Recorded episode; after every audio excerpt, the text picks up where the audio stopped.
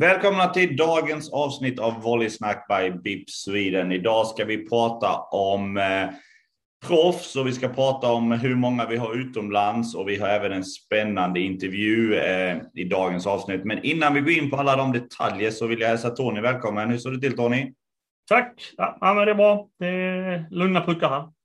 Du, vi ska ju ha lite utlandskoll idag eh, och vi ska ju prata med Jonna Wasserfalle, eh, en mm. spelare som du känner eh, är lite extra mycket och känner att du har bra koll på. Jag tänker vi, vi börjar där innan vi går in på senaste nytt och, innan vi går in och pratar lite proffs och sådär. Eh, vad har du att säga? Hur var hon att, att coacha och träna? Nej, men det var det som jag säger sen i intervjun också. Hon var en av de roliga spelare jag haft. Liksom. Hon var en sån spelare som man kunde eh, man kunde arbeta med. Hon kunde, liksom, hon, hon kunde an, ändra armdrag liksom, när man stod och pratade med henne. Och eh, jag vet, vi skrek lite när hon blockade liksom, och då ändrade hon sig i luften och sådana grejer. Och det är ytterst få spelare som klarar att liksom, så snabbt justera.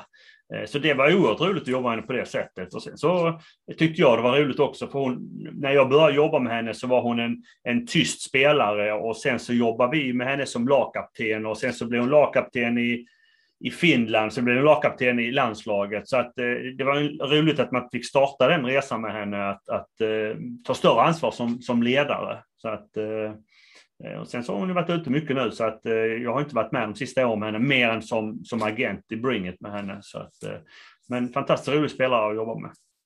Och eh, en väldigt svår fråga, men hur, hur tror du EM hade sett ut om, om Jonna hade varit på planen och kanske till och med som lagkapten? Jag, jag, jag, ja, jag tror knappast att det skulle, alltså, det skulle se lite enklare ut för kanterna för att då hade de haft ett hot till i mitten ju och eh, kanske lite mer, eh, ja, mer hot och, och, kanske ett starkare block eh, om bättre servrar till på banan. Så det är klart att det gjort, eh, gjort en skillnad, men jag tror inte i, i resultatet skulle göra någon skillnad. för eh, de skulle inte ta sig till en semifinal ändå, eh, men, men Eh, Eh, det skulle varit bra för gruppen och det är, väl aldrig bra att, att byta en lagkapten eh, inför ett slutspel eh, heller. Så att, och, och det ställer lite, lite större ansvar på Isabelle samtidigt. Så att det hade varit bättre om Jonna hade varit med, definitivt. Och eh, sista frågan på, på Jonna innan vi ska gå in till intervjun och prata lite annat senaste nytt. Vad var det för egenskaper som gjorde att ni, att ni valde att göra henne till kapten i, i när du hade ledarskapet eller när du hade head coach position där? Nej, men det, det, var ju som att, att man märker det som när hon sa någonting så var det någonting bakom det. Hon, var inte, hon pratade inte mycket, men när hon sa något så, så var det bra saker. Så att det, det var den ena, liksom, att det var en smart tjej och hon, hade, hon var ambitiös, hon ville, hon ville liksom utvecklas. Eh, och sen såg jag det som bara att, att, att hon skulle få en ny utmaning i, i sitt, eh, i sitt volleybollutövande eh, också. Det är klart att hade vi haft starka, andra starka ledare så kanske inte hon hade blivit lagkapten, men vi saknade liksom en, en naturlig ledare. Så att, så att det var därför jag gjorde henne som lagkapten. Och, och egentligen så, året efter när hon försvann så blev det ju samma situation och då blev det Stina Riks som eh, också precis samma typ av spelare som var tyst, men när hon sa någonting så var det någonting som betydde. Eh, och sen så har ju Stina också fortsatt vara lagkapten i, nu är ju lagkapten i Lund också, så att eh, det är lite roligt att starta de resorna för dem, för tjejerna. Så att, och det är kanske det att man, man ser saker i dem som de sen kanske kan utveckla vidare. Nej, och det är spännande just det ordet eller den frasen, en naturlig ledare. Jag tror att det, det är mycket som som spelar in där som man inte riktigt kan sätta ord på heller. Det är just liksom bara den här tryggheten och man märker att de andra spelarna respekterar den personen. Precis. Ehm, och det skulle varit kul att se lite i, i elitserien bakåt i tiden hur, hur det har gått med, med lagkaptenvalen. Där jag vet vissa lag väljer ju kanske storstjärnan och det spelar ingen roll om att de kommer in från från USA eller från Europa, men de vill ha den här superstjärnan som, som kanske bara gör ett år eller kanske man väljer någon Mm. En Stina Rigg som kanske inte är en utfjädrad lagkapten när hon kommer, men hon blir det. Som du säger, hon har skapats och blivit en viktig pjäs i, i svensk volleyboll. Så, eh, ja. Ja, jag håller med. Det var intressant att se. Det, det som, bara säga det nu med, med Stina, säger att, att hon, hon fick ju också hjälp. Vi hade Taylor Bruns eh, som, eh, på banan och vi hade ju den, eh, den bygget, liksom, att, säga, att, att Stina var ju kapten utanför banan medan Taylor var på banan. För Taylor var en fantastisk ledare och hade full koll på alla. Eh, så att det var en jättebra eh, första år för Stina att, att få ett lite lugnare år, att komma in som lagkapten och få hjälp av Taylor och sen komma vidare. Absolut. Och jag tycker, jag vill ju inte ha utlänningar som lagkaptener, för jag vill ju ha en liksom, på, på, på sikt vill man ha någon svensk som man känner som är kvar där några år och kan prata svenska och förstå liksom eh, laget och ja, hela den svenska mentaliteten. Så att därför har jag aldrig jag ska aldrig säga att jag aldrig haft utländska kaptener, men jag, jag försöker undvika det så mycket som möjligt för att svenskar är bättre att ha som lagkapten i Sverige. I min mening i alla fall.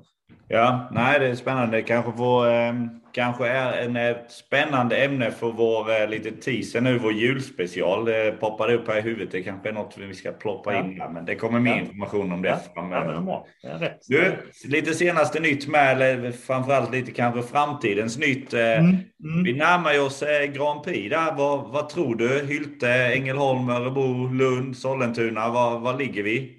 Ja, nej, Ja, nej, men alltså, jag har inte riktigt hundra koll på det. Eh, det är ju så att RIG-matcherna tror jag fortfarande inte räknas in, så att eh, det kan ju bli lite lurigt i tabellen. Men, men det är väl på damsidan så är det rätt så klart att Hylte och Ängelholm och Örebro når ett GP.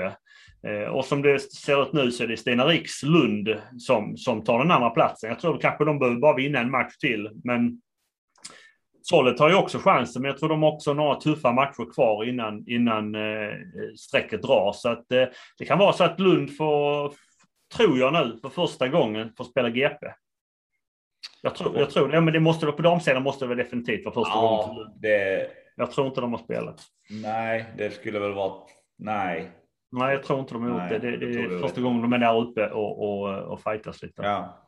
Nej, spännande. Och här sidan eh, har vi Hylte igen framför allt. Eh, Falkenberg, ja. Uppsala, Vingåker. Ja, och, och där är väl också lite så att, att eh, nu tappar ju Floby i, i helgen, så där tappar de sin chans att ta sig dit. Och, och, och andra sidan så vann Uppsala den, så de tog, tog sin chans nu. Så det ser ut som det är Uppsala Vingåker som kommer att ta de två platserna efter Falkenberg och Hylte. Eh, det är ju några, som sagt några omgångar kvar, men, men som man ser på, på eh, omgångarna som är kvar så, så tror jag det ser ut så. Och det är väl roligt, eh, Uppsala har jag aldrig spelat innan och Vingåker, ja när de spelade sist, det kommer jag inte ihåg, men det finns ju säkert någon historiker som vet det, för det är väl så pass länge sedan. Ja, ni får gärna kommentera om ni vet när de var där senast. Vad, vad, vad, tycker du om Grand Prix överlag? Är det något som svensk volleyboll bör ha? Är det är det ett evenemang som, som hjälper svensk volleyboll? Ja, definitivt. Men det ligger ju fel. Det ska ju ligga i, eh, i eh, slutet på november eller början på december. Eh, jag, jag tycker liksom en sånt här arrangemang ska ju ligga där när man, när man drar strecket. Vi drar strecket efter 10 eller 11 omgångar. Ja, 10 omgångar blir det ju. Och då skulle, då skulle spelas då, men nu så hinner man ju spela några omgångar efter det, vilket jag, det känns lite udda. Och sen så tycker jag det är bra att man gör någonting på hösten också. Det händer ju ingenting på hösten i svensk volleyboll, utan det bara maler på in i mörkret. Och perfekt att ha haft det i slutet av november eh, innan julstöket. Va? Så att eh, jag, jag har försökt pusha på det. Men det som händer istället är att man har lagt det ännu senare. Nu ligger det i slutet på januari. Och då är det ju bara en månad eller en och en halv kvar. och Sen är slutspelet slut, eller sen börjar slutspelet. Så att det, det händer för mycket på våren. Eh, jag tycker att det ska ligga tidigare. Annars är Grand Prix fantastiskt bra. Eh, det tycker jag. Mm. Och för ni som inte har lyssnat på, på avsnittet med Lennart eh, så är det också lite spännande. Han nämner ju lite, vi ska inte gå in på det, men han nämner ju också lite förändringar som kanske kan påverka elitserielagen framöver. Så gå gärna in och lyssna på det avsnittet om ni inte har gjort det. Um, men det, eh, en, en annan sak Daniel, som jag tänker på, liksom, när man pratar med Isabelle till exempel, så säger ja, vi har fem titlar att spela om i, ja. i, i Turkiet. Och, och, i Sverige så har man ju ja, tre får man säga. Va? Eh, och jag, jag, vet fortfarande inte om man får medalj för liksom att vinna ligan, utan det är ingen titel, utan det är bara att vinna slutspelet och sen så GP. Så jag tycker att vi, vi har de fem titlar, så varför har vi två? Utan eh, jag skulle vilja få in en sån här eh, mästarmöten, sånt där, alltså GP mot eh, GP mot SMS, alltså i, i, augusti eller september, så här super, vad kallar man det, supercup eller vad man mm. brukar kalla det i andra länder. Så jag saknar fler sådana här saker, att vi har mer viktiga matcher att spela om i svensk volleyboll. Det, det saknar jag. Detta är ju liksom, detta upplägget har ju Olle Arnfeldt gjort en gång i tiden. 97 spelade vi först, eller 98 var det kanske, januari 98, som vi spelade första Grand Prix i, i Vallentuna, tror jag det var. Eh, sen har det ju bara eh, åkt på, och elitserien har åkt på. Det, har inte kommit in någonting nytt mer när Lennart Larsson körde in eh, Svenska Kuppen, vilket jag tyckte mm. också. Jag var inte i Sverige då, men, men Eh, vilket var kanske inte så populärt tror jag. Jag vet inte varför, men det, något sätt var upplägget kanske inte riktigt bra. Men idén är jättebra att man skapar fler viktiga matcher och fler titlar att spela om. Så att eh, det är någonting som vi inte pratat om som, som vi kanske också kan ta på julspecialprogrammet. Mm. Nej, annars är det väl eh, Knalle Cup som du kan försöka vinna som, en, eh, ja, som ett eh, delmål också. Ja.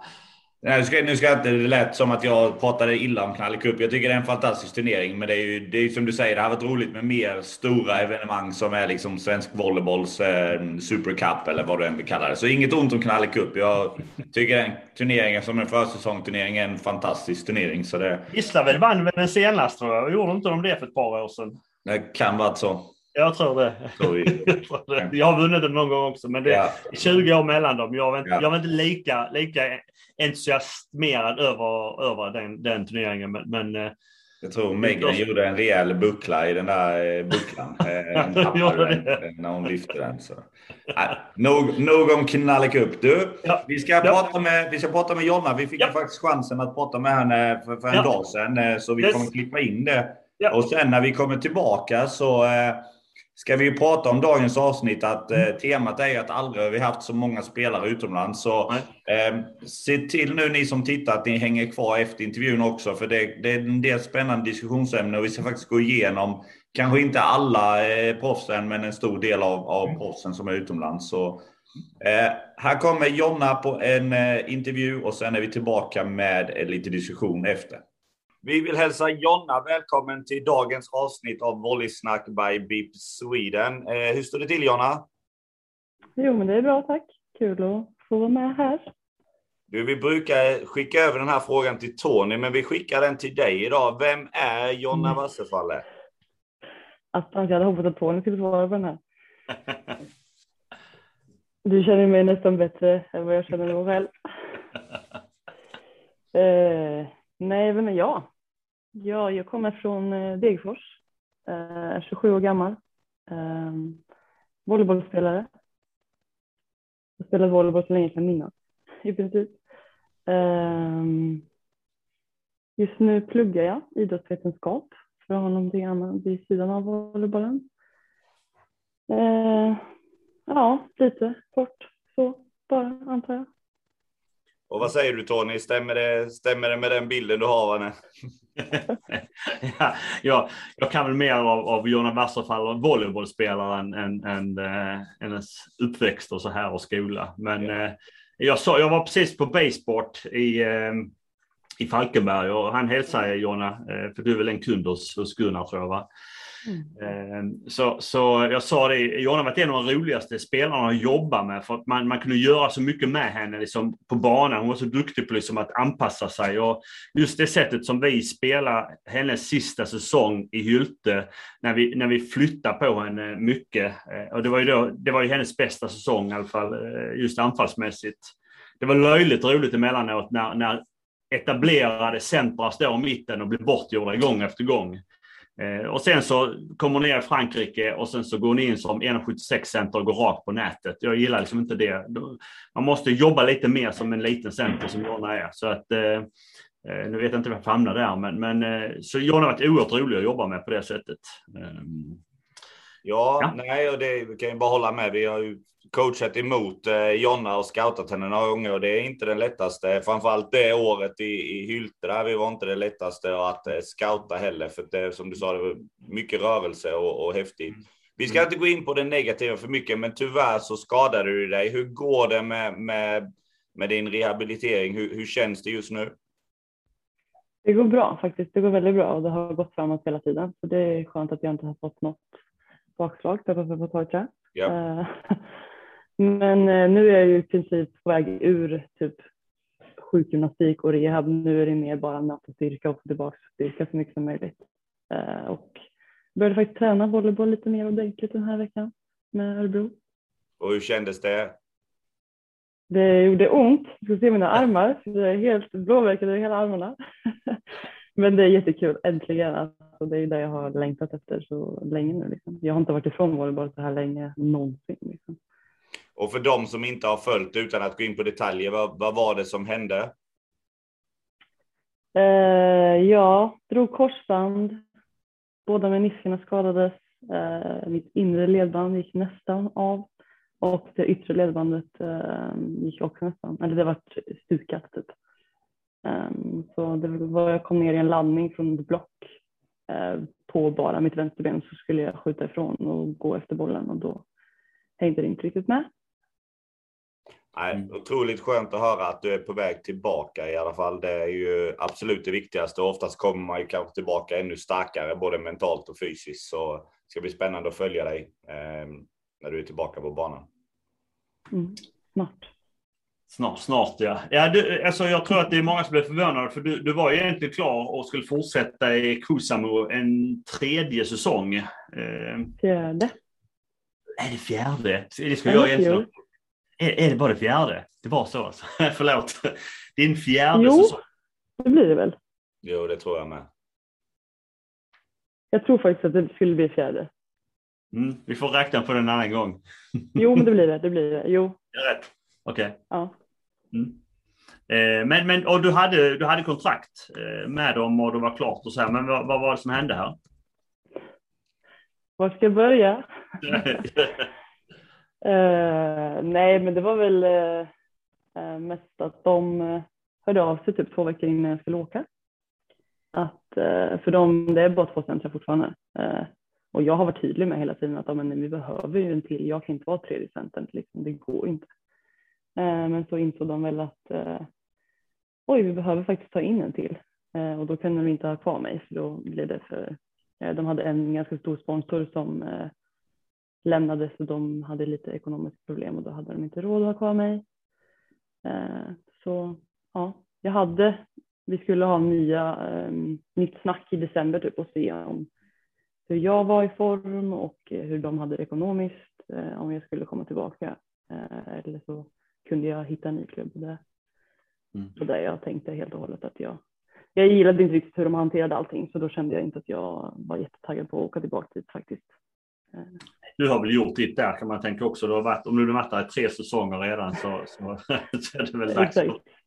Ja, alltså jag hade inte tänkt stanna där så länge som jag gjorde från första början egentligen. Jag hade väl kanske bara tänkt göra två säsonger. Mm. Eh, Men så var det pandemin och då kändes det tryggt att gå tillbaka till samma ställe. Sen vart jag skadad och de sa att de ville ha kvar mig ändå. Sagt, nu går jag lite för utanför de frågorna vi har funderat, men jag har funderat mycket på det. Det är många som har, har nämnt att, att finska ligan är tufft och just med kontraktsförhandlingar och, och sådär också. Känner du av det nu med lite distans till det, att det är lite tuffare än, än ja, svenska ligan som du kan jämföra med framförallt? Ja, alltså det är ju många klubbar som måste ha typ en tryout i. Att många spelare ska komma dit och prova och så vill de se hur man är eh, i typ två, tre veckor. Eh, och sen kan de skicka hem en om man vill. Så det är ju lite det är tuffare på så sätt. Är det absolut. Och vi har ju glädjande nyheter för, för alla svenska fan och, och ehm, vad som Och händer i...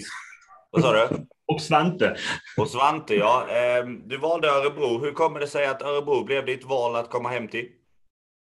Uh, nej, men eller den största grejen är att de är tre centrar.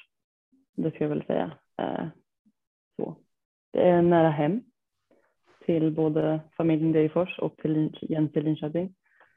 Uh, och sen så har jag pratat mycket med min sjukgymnast att jag behöver ha bra liksom, runt omkring volleybollen eftersom jag inte riktigt är där än. Och Örebro har, jag kände att det var det det bästa här. De har en eh, tjej som är med på träningarna två gånger i veckan så jag kan känna mig trygg när jag börjar träna och bolla med henne, hur alltså, vad jag kan göra och vad jag inte kan göra. Eh, känner Svante så jag känner att det är en trygghet i sig också. Eh, många tjejer i laget känner jag också. Eh, och generellt bra träningsmöjligheter. De har två morgonträningar i veckan så man kan ju jobba mycket teknik och det känner jag att det behöver jag nu när man har varit borta så pass länge. Liksom. Nej, det ska bli spännande att följa. Vad, vad, är din eh, personliga plan för de kommande säsongerna? Har du satt upp några delmål eller blir det lite stad för vad det kommer? Jag tar det väl lite som det kommer, men eh, det är väl, alltså, jag vill ju utomlands igen. Så den här säsongen handlar det väl mest om att komma tillbaks liksom, eh, och komma utomlands. Och jag, det stora målet är väl att få vara med i EM 2023. Liksom. Det är det jag har satt upp och det jag kommer jobba för de här två åren. Mm. Och när vi ändå är inne på det, det var ju en fantastisk eh, resa som, eh, som landslaget gjorde och eh, de spelade ju otroligt mycket för dig också, om, framförallt om man kollar på sociala medier så, så hade du ju stor inverkan på laget även om du inte var där på planen.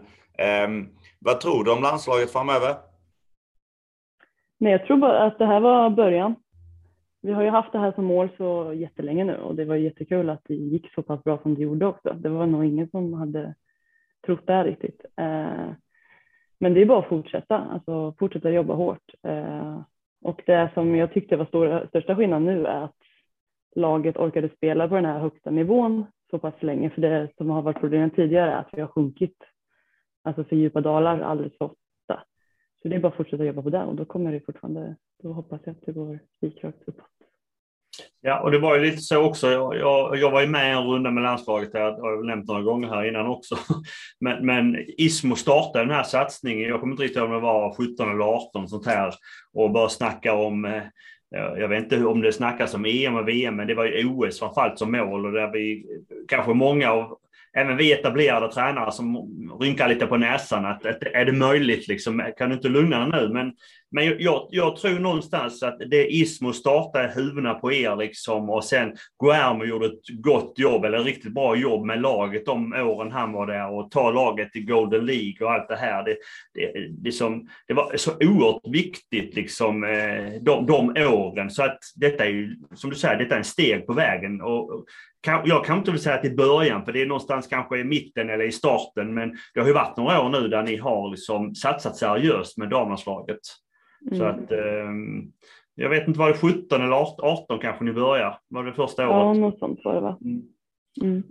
Så att, så att det, det, det, det, har varit igång ett tag nu. Jag tycker då att eh, som säger, Ismo har fått oerhört lite cred för detta. För det var han som satte upp målsättningarna och skapade förutsättningar med SOK och, och satt mm. kraven på högre träning, eh, träningskvantitet eh, och allt det här. Så att, eh, Eh, och då kommer vi liksom in på, på, på, på det vi ska prata om denna eh, också. Det är ju som, vi har så många proffs idag eh, i, i, eh, i Sverige. Vi, vi kan säkert ha fel, men vi tror att det är på damsidan, det är tio proffs plus dig, va? så när du kommer hem. Alltså det är tio proffs och sen så åtta stycken i USA som, som går college. Så det är alltså 18 stycken svenska spelare som är utomlands. Mm. Och då är det liksom frågan till dig, när du har varit det sista året, bör det märkas nu att ni har fler spelare ute i, i Europa? Är det någon skillnad från för, tillbaka till en tre, fyra år sedan när det var när det bara ytterst få spelare mot nu när det är så många spelare? Ja, absolut. Man har ju en annan spelförståelse typ. Eh, och man kommer lättare in i tempot. Det är ju snabbare tempo utanför Sverige och det har väl varit den största svårigheten att anpassa sig till snabbt när vi har haft landslagssändningar och spelat mot andra nationer liksom, som kanske har många spelare utomlands eller i en bättre liga generellt. Eh, så det märks ju att man är van att träna mycket, man har en annan spelförståelse, annan, alltså allting är ju lättare när man väl ska börja istället för att börja om från början. Liksom. Många är redan inne i och mm. kan fortsätta jobba på. Liksom. Mm. Så vad, vad, tror du? Vad tror du? Kan, kan vi etablera Sverige i Europa?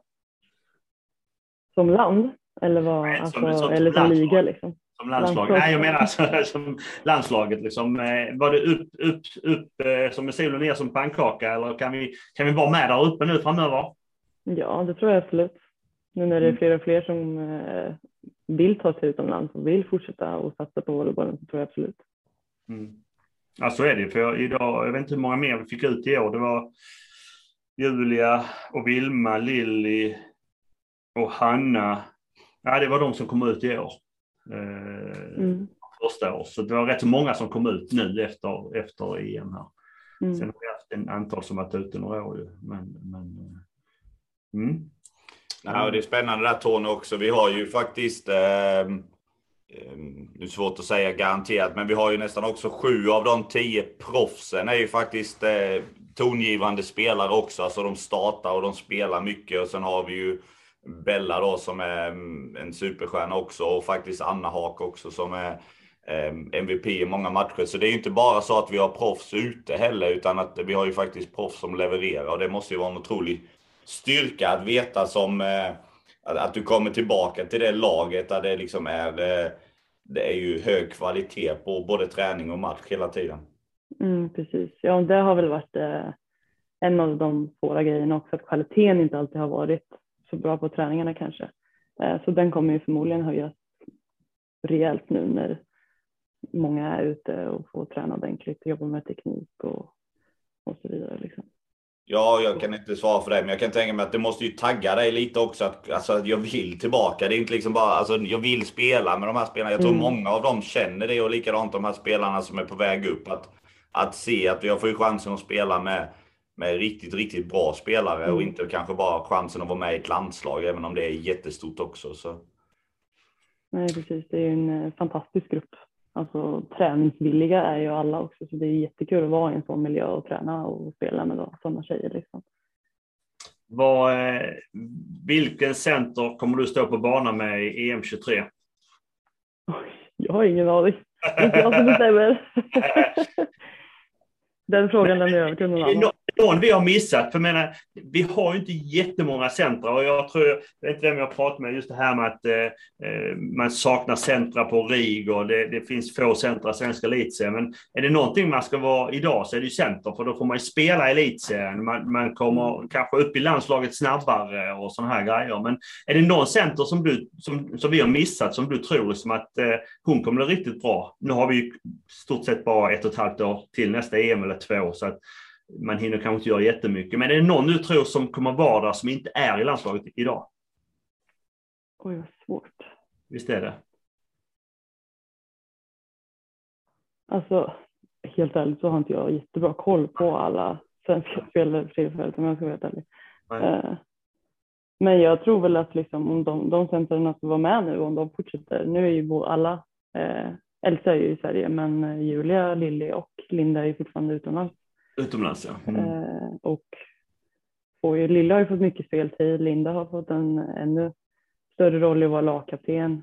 Julia mm. har, har också fått mycket speltid om jag har förstått det rätt, så de kommer ju utvecklas. För jag tror att om det inte är någon annan som mm. gör någon alltså, jätteutveckling här hemma liksom, så tror jag att det kommer vara samma som tidigare. Det tror jag också. Jag skulle bara se vad du svarar. Jätteklar frågan. jag tror inte vi har så jättemånga andra alternativ. Jag, jag ser ju själv, jag vet inte, vi satt och diskuterade någon, eh, just att man ska kanske flytta på någon av spikersarna i laget. Eh, vi, vi saknar, det är liksom inget snack om att vi saknar anfalls tyngd i mitten. Det hade vi inte under EM eh, och det saknar vi. Och då, det finns ju duktiga spikers på Eh, på bänken. Och ska man göra någon rockad där liksom inför EM där att få in en, en, en, en duktig anfallsspelare där. Så att, eh, men jag, jag, tror som dig, jag tror inte det händer jättemycket utanför utan det, det är ni 12-14 som ska göra det också 23. Mm. Mm. Ja, nej, men eh, vi, hade du någonting annat Daniel? Annars ja, det har jag faktiskt. Vi har, vi har en veckans fråga, eller dagens fråga, eller vad vi vill kalla det, som vi fick från en som heter Josefin. Eh, Frågan är tvådelad, så vi kan väl börja med den första delen av frågan och det är hur blir man proffs? Eh, alltså, jag tror hon tänker mer på liksom, inte bara att man måste träna mycket, utan hur, hur går det till att bli, att bli proffs? Uh, ja. Bra, bra fråga. Ja, exakt. Nej, men så, exakt. Nej, men så som jag har gått tillväga och många andra tjejer vet ju att man skaffar sig en agent. Eh, och så skickar man videos, highlight och några matcher eh, till den och sen sköter ju han i mitt fall eh, sköter det liksom. Eh, skickar till klubbar som behöver centrar och så vidare och sen ja, i princip så. Och den andra delen av den frågan, och vi kan väl ta det kanske till en säsong när du spelade mycket där. Och det, frågan är hur ser en matchdag ut från morgon till kväll? Så du kan väl gå igenom lite kanske, bara, det kan vara elitserien också, men för de yngre som, som undrar hur, hur, hur ser en matchdag ut? Hur, hur är en vanlig matchdag för dig? En vanlig matchdag? Jag eh, brukar ofta gå upp typ en och en halv timme innan jag ska gå till hallen. Eh, för jag gillar att ta en lugn morgon, äta frukost i lugn och ro. Eh, och sen är det ju morgonträning, oftast en timme med mycket serve, servemottagning. Ibland lite anfall om man känner för det, men det är mest bara för att väcka kroppen. Typ. Eh, vissa lag äter man, i Finland åt vi till, vi hade eh, ett hotell som vi gick till efter träningen och åt hotellfrukost, så det var ju i princip brunch eh, efter träningen. Sen hem, ladda upp, alla är olika, sover. Jag lyssnar mycket på eh, musik för att komma igång, eh, gå igenom gameplan, kanske kolla på eh, video på de andra lagen. Eh, och sen samlas man i hallen en och en halv timme innan typ. Går en promenad ofta och sen är det bara att göra sig redo för match.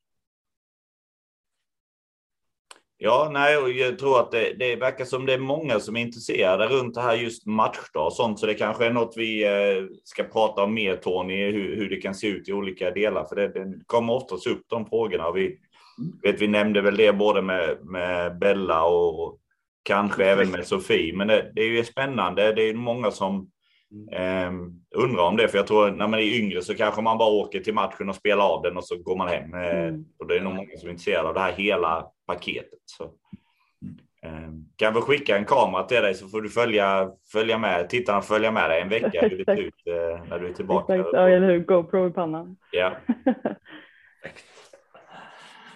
eh, något annat som du tänker på Tony?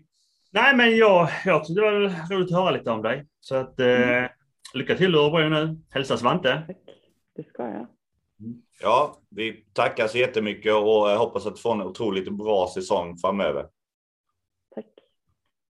Så då är vi tillbaka efter Jonnas eh, intervju där vi, och vi ska prata lite om, eh, om de proffsen vi har utomlands. Eh, och jag vet Tony, du har gjort ett, eh, ett hästjobb för att försöka lista ut hur många var. Och Eh, igen kommentera, det kan mycket väl vara så att vi har glömt någon någonstans, men vi har gjort det så gott vi kan där. Eh, hur många spelare har vi utomlands just nu Tony, som vi, som vi liksom, eh, känner oss hyfsat säkra på? Ja, vad blir det här? Det blir 18 tjejer. Nu kommer ju Jonna hem igen. Eh, så att då, men då, då blir vi 18 tjejer. 10 som är proffs och 8 som är USA. Och sen så är det då 9 killar. Eh, och jag vet inte, jag försökte få det på pärra, men det verkar inte som att det finns några USA, några killar. Utan eh, jag vet, det är 27 spelare utomlands. Så att ja. det, det är en hel del idag. Och det blir ju en till som kommer till USA. Eh, hon har ju inte flyttat dit ännu. Ehm, eh, Andersson där till Stanford Beach. Men det, ja. det, du har helt rätt i det antalet just nu. Eh, jag tänker vi, vi börjar med damerna framför allt och vi kanske börjar i, i Europa mer än USA. Ehm, hur mm. går det för spelarna? Och, ehm, vi, har ju, vi har ju Bella givetvis som, som vi har som kanske den största superstjärnan i Turkiet. Vi börjar där. Vad, vad, vad, har du att säga om, om Bella just nu? Det är väl inte jättemycket, och, och, utan eh, hon är ju en superstar så att, eh, och hon, hon kör ju på där. Och, så det är väl inte jättemycket att säga om henne. Eh, hon hade väl inte några jättehäftiga matcher just nu heller, om jag sa nu kanske det kommer lite nu i december, jag vet inte. Och Champions, ja, men nu Champions League kommer igång snart. Så ja. att, eh, och då ska hon ju hem till hennes eh, lilla syster och spela mm. lite matcher också som, som eh, så att, så att uh, Isabelle kör på. Hon hade ett år kvar på kontrakt. Eller sista året nu va? Visst var det? Året, var det. Mm. Så att det ska bli intressant att se om hon stannar där eller om hon gör någonting annat. Och sen är det ju... ja, just det. Sen så tycker jag alltså det som är häftigt just nu och det är liksom att se Anna Haks eh, fortsatta resa ja. från liksom eh, eh, ett par år sedan där hon liksom slogs som, som komma in på, som, som starter i landslaget och nu är hon ju etablerad och Eh, förra helgen så spelade hon emot eh, Rebeckas, eh, visst var det Rebeckas lag va? Ja, Rebecka är det som spelar ja. i Frankrike. Och, och, Anna blir ju MVP. Jag tror hon, hon var toppscorer också om inte jag missminner med 17-18 poäng, någonting åt det hållet. Så att eh, för Anna går det bra ju och hon eh, är väl deras näst bästa poängplockare i laget just nu. Och, och jag menar, Mulhouse, de, spelar, de ligger två, jag tror de är tvåa i mm. ligan, tvåa eller trea i ligan just nu. Så att hon spelar i topplag i, i Frankrike ja. och spelar varje match. Så att eh, Anna går det bra för. Ja, jag tyckte det syntes. Vi, vi ska inte prata med EM nu, jag måste stoppa det, men jag tyckte det syntes i EM. Hon, hon växer ju, alltså hon var ju en favoritspelare där absolut. En annan spelare som jag tyckte gjorde, som jag saknade lite i EM, vi har ju Julia Nilsson. Ja, vi har pratat om det. I Österrike. Var, eh, hon har väl inte riktigt tagit en plats ännu? Nej, eh, nej, jag pratat med Julia häromdagen här och, och eh, hon, nej, hon, hon har spelat en del, men det, hon startar inte, Och framförallt så spelar hon inte mot de bättre lagen ännu. Eh, även om jag tror att eh, hon är, är nog en, en center som skulle stå på banan om, det, om man går efter kvalitet.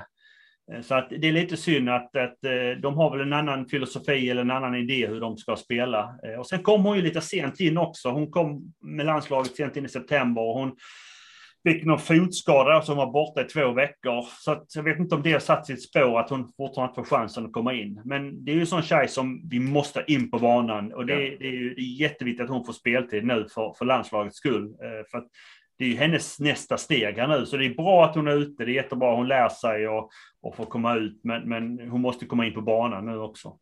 Och på tal om speltid, eh, vi har ju en, eh, en väldigt, väldigt duktig passare i, i Schweiz, eh, Wilma Andersson, och inte riktigt tagit eh, första platsen heller. Där. Eh, hur ser du på det?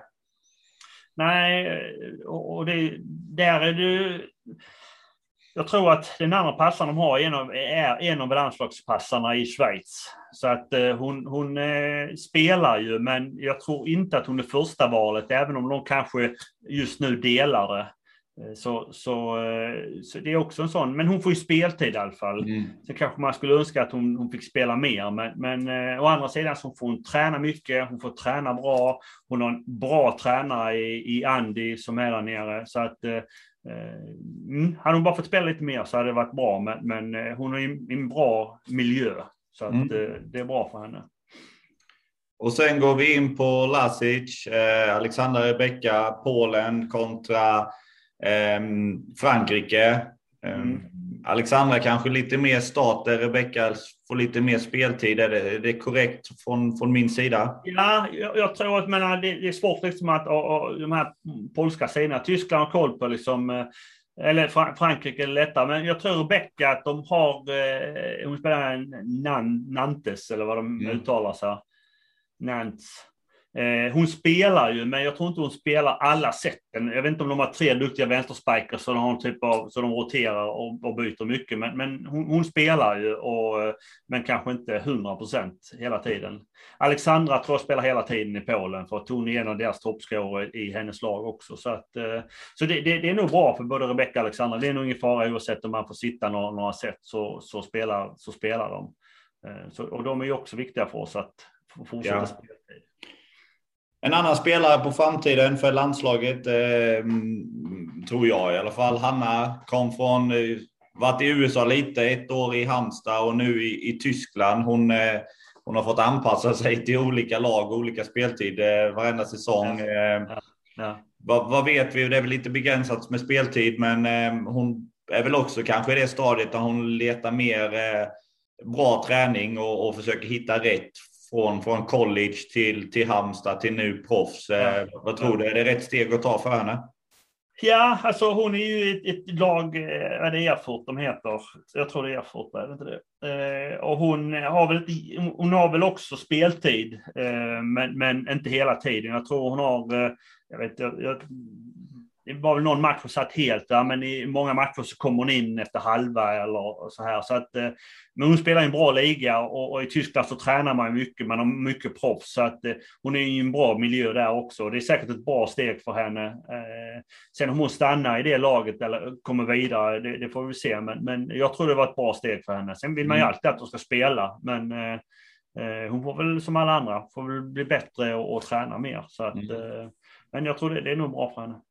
Ja, det har varit kul att se henne i Svårt att, svårt att veta, men det har varit kul att se henne i, i samma klubb under en längre period. Så se om hon kan ta de här kliven och verkligen bli eh, en, en, viktig stöttespelare och se hur det påverkar henne också. För jag tror, jag tror hon har mycket att, att bidra med i, för Sverige i framtiden också.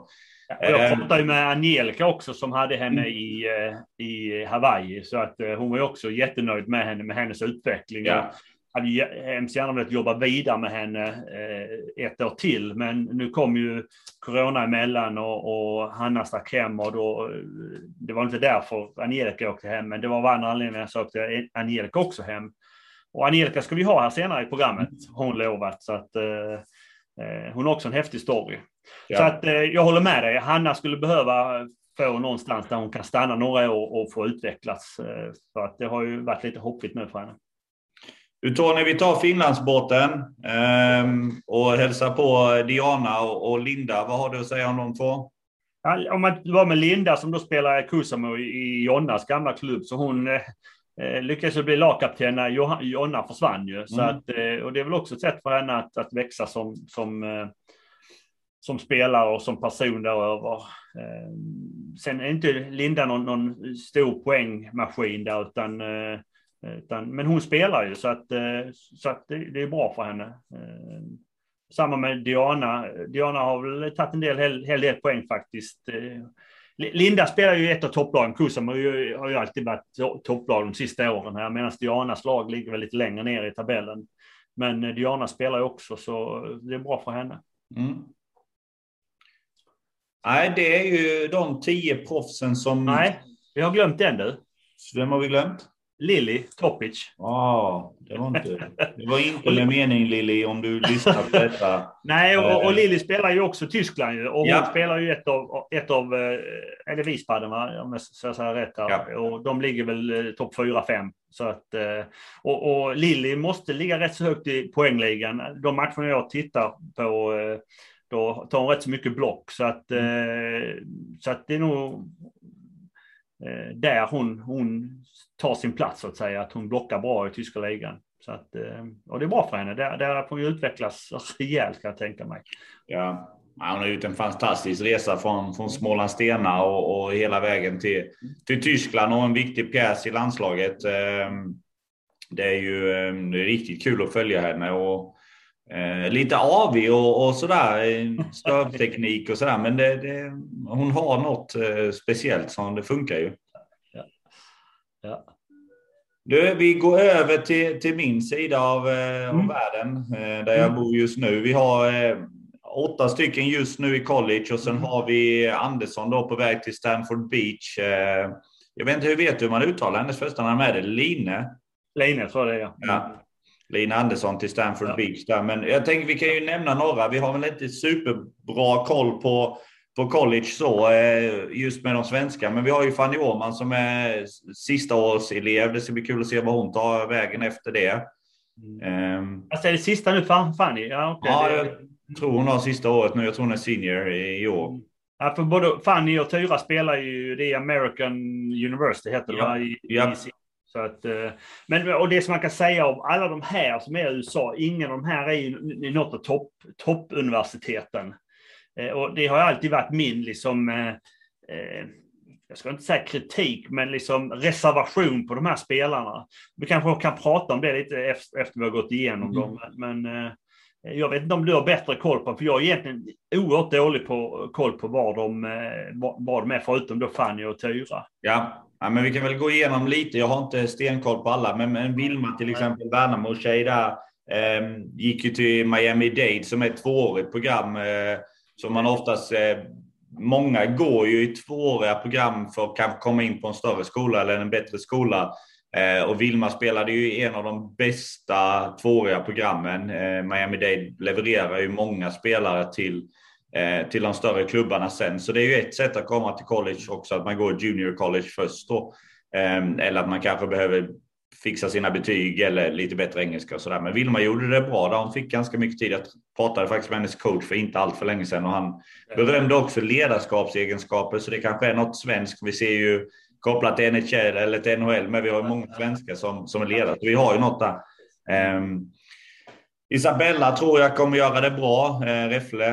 Eh, hon är ju också en spännande person som, som eh, jag tror kommer göra stort avtryck. Men, men det är ju som du säger, vi har ingen direkt i de största conference, vi har ingen direkt i de, i de största programmen. Det är väl Hanna som, som i, senast var i Hawaii, som faktiskt var stort.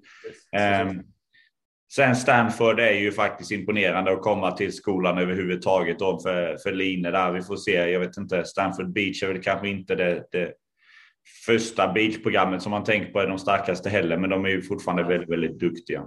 Ja, sen är ju Stanford jävligt häftigt. Det har ju varit där och jobbat ett antal gånger. Det, det är ju lite speciellt Stanford. Så att, ja.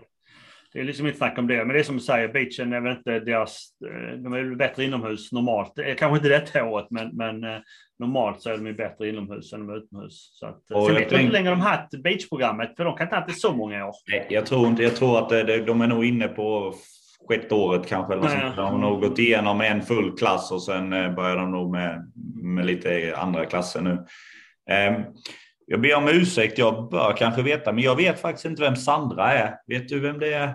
Nej, det, det jag pratade med Fanny Åhman, så jag, jag, för jag vill inte missa någon. Hon mm. drog av de här eh, Eh, det var de här hon visste var i USA av svenskarna. Så att, eh, och det, de är åtta stycken och det blir ja. kanske fler nästa år. Eh, ja. Med Line och sen så kommer det kanske fler. Jag, vi kan väl prata om det strax också, just vad som händer med, med, med yngre spelare. Absolut. Ja, jag vet Elise Ask är ju också intresserad på att komma över. Så vi får väl kanske uppdatera det här framöver. Men du, jag har en fråga där. Eh, och du nämnde det lite grann. USA drar ju ganska många spelare, men vad, vad, i, i, din åsikt, vad, vad, tycker du? Jag tror vi har, vi kan bolla fram och tillbaka där någon, någon minut. Eh, vad tycker du? Är det ett bra alternativ? Nej. Alltså, eh, alltså, jag ska inte säga nej, men för, för svensk volleyboll givetvis nej. Eh, men, men sen får man ju se, varför åker de över där? Ska de ha ett äventyr? Ja, då åker över, för det är rätt så häftigt att spela på, på, eh, i, häft, i häftiga universitet. Eller det är en helt annan eh, upplevelse. Liksom. Du har ett eget omklädningsrum och, och så här. Eh, ja, det är inte bara det, men det är hela, hela upplevelsen. Men alltså, ingen av de här svenska spelarna kommer ju till, till lag som har ett bra program, som har en bra tränare som, som utvecklar dem eh, under en längre tid, utan de kommer ju till skolor som är eh, lågt rankade och de är lågt rankade av, av för vissa anledningar. Det, det, är sämre, sämre spelare, ett sämre program, det är sämre coacher, eh, de är inte framgångsrika. Så att eh, ska vi som svensk eh, landslag eller, eller för, för svensk volleyboll överhuvudtaget så, så ska vi hellre ha dem i elitserien och sen ut i proffslivet. För detta, detta hjälper ju inte spelarna. Det är inte så lätt heller att komma till USA och sen gå till proffslivet för att kommer man inte till Nebraska eller till Hawaii eller något sånt här så, så är, finns det risk att du blir inte så mycket bättre eller du tränar på saker som är helt annorlunda än vad du har gjort innan. Ja. Så det är, liksom inte, det är inte ett spikrätt steg åt rätt riktning om jag säger så. Nej, och jag kan väl, jag håller med om vissa grejer. Sen så är det nog eh, beroende på vad slutmålet är. Om du, om du vill bli en, en eh, Bella Haak och bli en stjärna i Europa som proffs så kanske det inte är rätt väg att gå. Men jag tror att för många av de här spelarna så får de en bättre träning än de kan få i Sverige. Eh, även om det är ett lågt program så, så det jag har sett från, från vad Fanny de är till exempel så får de en bättre träning än, än någon annan elitserieklubb. Eh, de tränar varje dag. Eh, betydligt mycket bättre förutsättningar att, att prova på sin sport. Sen tror jag problemet är att de får en annan bild av att ja, men är det Eh, nu har jag, en, nu har jag fått ett, ett studie också. Är det värt att komma hem och, eller vill jag komma hem och spela i elitserien igen eller är jag, är jag nöjd? Så jag tror det beror på lite vad man är intresserad av och vad man vill göra. Eh, jag tror att en, en Fanny kan ju lätt åka hem och spela i Libro i, i vilken elitserieklubb som helst om hon skulle vilja. Eh, och jag tror inte hon har tappat något. Hon har kanske snarare fått ett, en erfarenhet och en en, någon slags utbildning på, på vägen också. Jag tror att det beror lite på vad man är intresserad av. Men jag, jag tycker att eh, jag tycker att det är spännande ändå att de får komma ut och se någonting annat. För det kan bli lätt att man... Eh, om vi kollar, eh, tar tillbaka frågan till vad du sa. Hur många elitseriespelare som, som spelar i de bästa programmen kommer till, till proffslivet ändå? Det är ju... men, men problemet, är, problemet är så här att, att, eh, att de är de här spelarna kommer aldrig tillbaka till svensk volleyboll. Nej. Så, det. Eh, och, och, och, så är det, för så, så, så är historien. Alltså, Ja, ja. Det finns ju en, i stort sett en som har kommit, nu, nu kan det vara någon till, va? Men, men tittar man, det är Anna Haak som har kommit Ja. tillbaka. Ja. Sen, sen, de slutar, de gör någonting annat eller så här. Va? Så att, det, det, är, det är inget bra steg för, för svensk volleyboll att, att de åker till USA. Om de har en ambition att bli proffs eller Ja. komma till landslaget. Det är inget bra steg att gå till USA. Eh, men det med dig på.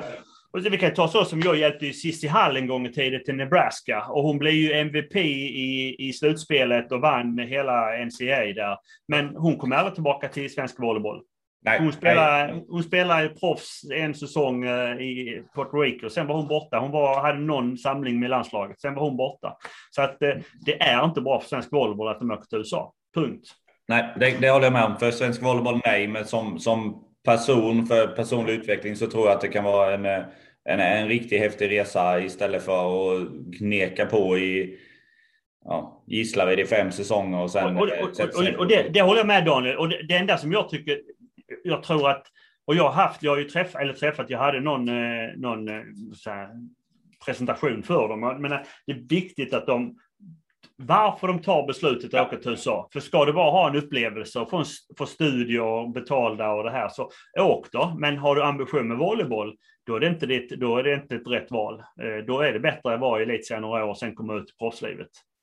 Det, det är inget snack om det.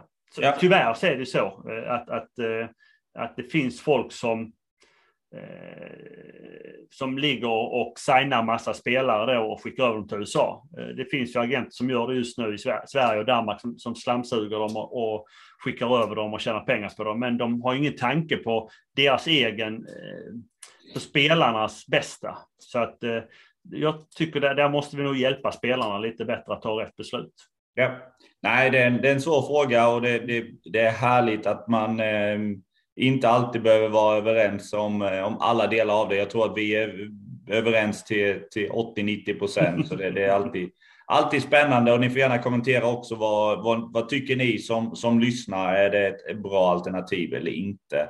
Um, men oavsett, det ska bli kul att följa de här spelarna i alla fall. Det är de som har valt det, det är bara att supporta och hoppas att de får en, en härlig säsong eh, och framförallt då Fanny som kanske sista året Det är ju alltid lite speciellt. Eh, eh, Eftersom de inte kan fortsätta oavsett vad det är så är det ju alltid sista året Ja, alltid ett precis. speciellt år. Så eh, det ska bli kul att, att, att följa där och se vad, vad det tar vägen. Mm. Du, jag tänker vi går in och pratar lite mer. Det, här, det är ju din eh, hemmaplan mer. Vi ska prata lite killarna. Hur många killar har vi utomlands? Ja, eh, nio ska vi ha ute i, proffsli i proffslivet i Europa i alla fall. Så att, eh, eh, och jag har ju några, några av dem ute också här. Så att, eh, eh, och det är, det, är, det är faktiskt några som, det finns ju någon kille i Frankrike som passar i landslaget, någon Emil Serrao eller vad han heter, Mm. som jag aldrig sprungit på, jag har aldrig träffat honom. Men, men han är väl, vet du vem det är? Nej.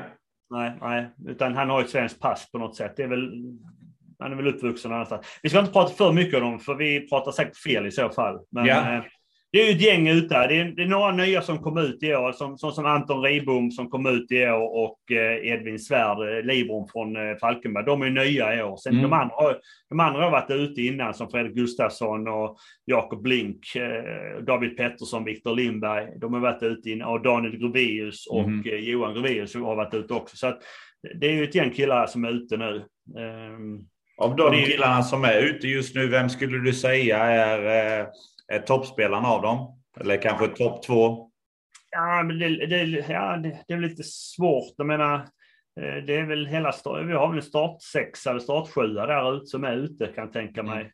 Eh, Det är flera, flera Tyskland och sen Jakob är i Italien så det är liksom lite häftigt. Han har ju varit i Italien nästan hela tiden. Mm. Så att, eh, ehm, jag menar, Fredrik Gustafsson har vi spelat i Finland i många år. Jag tror, jag kan för dem för dåligt ju, men, men han har spelat där ett antal år ju.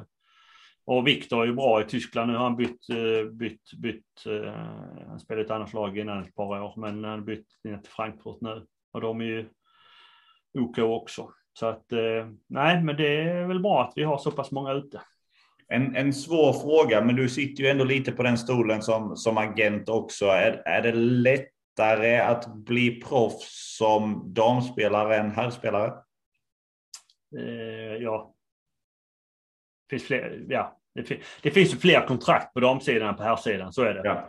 Eh, för oftast är det så att killar spelar längre och menar, menar, det är alltid när man är ute vi på våra, våra turer, liksom, du, du möter ett slovenskt lag och de har liksom 3, 3 35, 40-åringar som spelar. En spelar libero och någon spelar någon fjärde kant och sånt här. Så att det, de hakar sig, hakar sig kvar längre, killarna, så att det är svårare som kille att komma ut. Ju.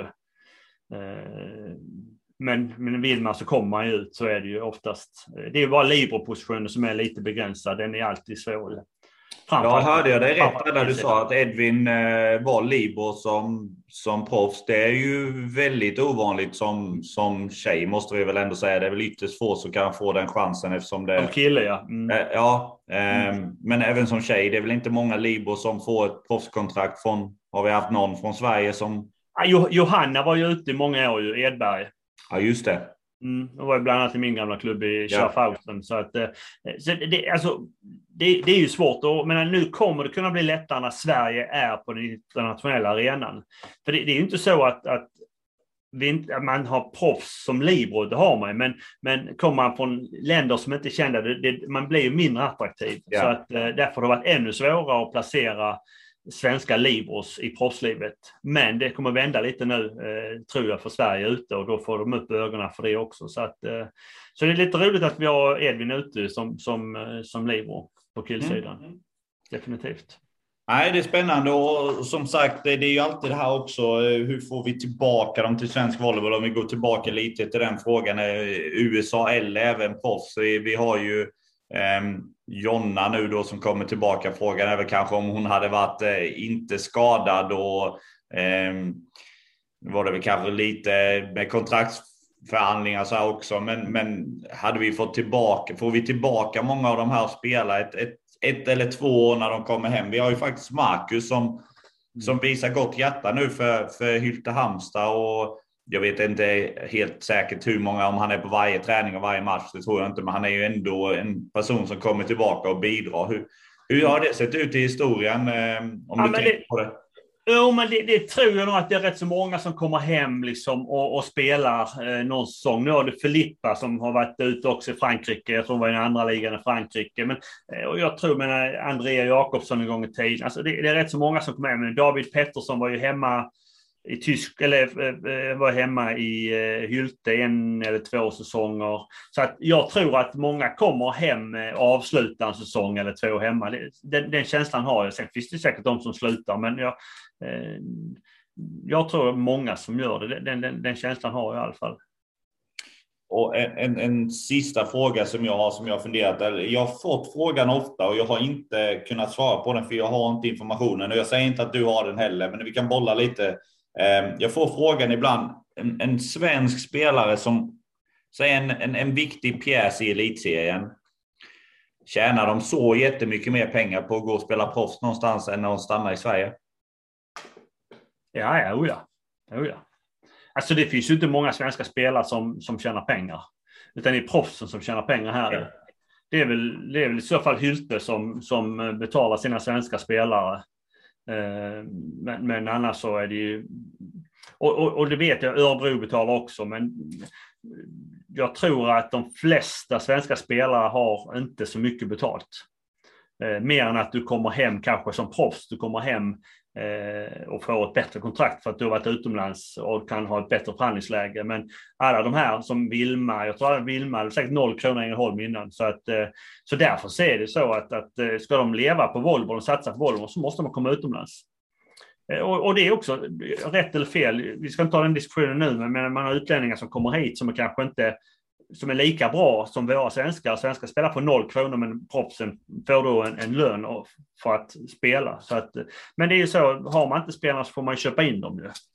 Så att eh, den, den är svår alltid. Nej, det du säger hade också varit väldigt, väldigt spännande att se en studie på hur mycket pengar har de olika föreningarna lagt på, på eh, en spelare som kanske har bidragit plus minus i, i slutändan. Det, det, det har man ju själv varit i den, eh, jag vet, vi hade en passare i Ljungby andra året. Där la vi nog lite pengar i sjön kanske. Det var inte... Men vi ska ju prata om detta om ett par avsnitt, liksom ja. hur, hur, hur proffsen presterar eller ja. producerar i svensk volleyboll. Så att, låt oss lugna oss lite då. Absolut. Absolut. Du, innan vi avslutar, eh, superspännande intervju med Jonna. Det ska bli kul att följa henne som vi sa i avslutningen där. Eh, och vi pratade lite om henne innan. Är det någonting mer på Jonna du tänker? Nej, jag pratar rätt så mycket. Det, hon, hon vill ju bara bli frisk och komma ut igen. Ja. Liksom. Liksom, eh, och, och, men jag ser ju det att 2023, det lyser liksom eh, längst där framme. Så att eh, det var väl rätt så bittert att han inte får vara med där. Och det förstår jag, liksom, har varit med hela resan. Och som vi sa också att eh, när Ismo startade den här resan då 2017, 2018, liksom, och hon har varit med hela vägen och varit lagkapten. Och sen så när, det, när de är på toppen liksom, så fick hon inte vara med. Så jag tror hon vill vara med 2023, så allting ska... Mm, sats, lägger hon och satsar på det. Mm. Och du, nästa avsnitt har vi ett, ett otroligt spännande tema. Mm. Vad, vad, mm. vad kan du berätta om det? Ja, men det ska vara roligt. Det är ju, vi ska prata lite norrländsk volleyboll. Mm. De, eh, och jag, jag pratar med mycket folk nu, både förbund och, och, och distrikt och klubbar och så. Det, det, det nämns ofta att det är två, två distrikt som funkar bra. Liksom att Skåne är ett som funkar bra. Jag tycker att Sydsvenskan, som jag varit involverad mycket med utbildning och så, funkar bra. Men, och sen är det Norrland som funkar bra. Eh, och med funkar bra är det väl att det är en utveckling och man, man har eh, mycket, mycket aktiviteter som pågår. Så att, eh, det ska bli jätteroligt att höra vad de gör där uppe i, i Norrland. Eh, så att, eh, vi har ju Tobias Broddeskog eh, som är startman i, uppe i Norrland och har, de håller väl på att bygga sin egen hall och aktivitetshus eh, i, i Stöcke utanför Umeå. Och sen ska vi ha en gammal spelare till mig eh, som nu också är tränare för NIU i Umeå och hon är också en BIP-coach. Hon är mm. med på våra läger, bland annat det som vi ska ha Holmsund här om, en, eh, om ett par månader. Mm. Så de två är gäst nästa vecka, så det ska bli jätteroligt att prata om norrländsk volleyboll. Nej, det ser jag fram emot. Eh, det ska bli spännande och, och även prata med Tobias där, eh, se vad han, vad han tänker. Ehm, du Tony, är det någonting annat som du känner att vi har missat här i diskussionen om aldrig har vi haft så många spelare utomlands? Nej, eh, nej. Vi får prata om, om tvärtom nästa gång. Eh, ja. blir, efter eh, Norrland. Så att, ja. Det blir intressant. Nej, jag tror vi har, vi, har, vi har säkert missat jättemycket. Vi har säkert missat någon spelare. Vi får, säga, får be om ursäkt. Men eh, detta är ju liksom, eh, vi kan ha missat någon. Eh, då får vi återkomma till den spelaren. Mm. Men, men jag hoppas vi har, vi har täckt in det mesta. Du Tony, du får ha en fortsatt trevlig dag så ses vi nästa vecka när vi ska prata lite norrländska. Det, det, det är samma Daniel, vi hörs. Ha det bra då. Hej.